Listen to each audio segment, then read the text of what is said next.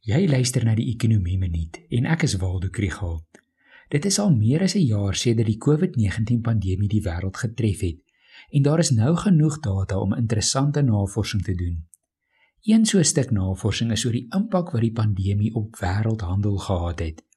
Die Vox Sepper blog verduidelik deur watter kanale hierdie impak gewerk het. Die wegspringpunt is hoe die pandemie lande se invoer uit China geraak het. China het handelsbande met elke ander ekonomie en is die wêreld se grootste uitvoerder. Hulle ekonomie het ook redelik vinnig herstel, wat dit dus moontlik maak om te sê dat die invloed wat die pandemie gehad het, te doen het met toestande in die handelsvernoot se land. Die resultate wys dat lande wat meer COVID-19 sterfte vir gevalle gehad het, se invoer uit China skerp afgeneem het maar streng inperkingsmaatreëls het 'n selfs groter negatiewe impak op handel gehad.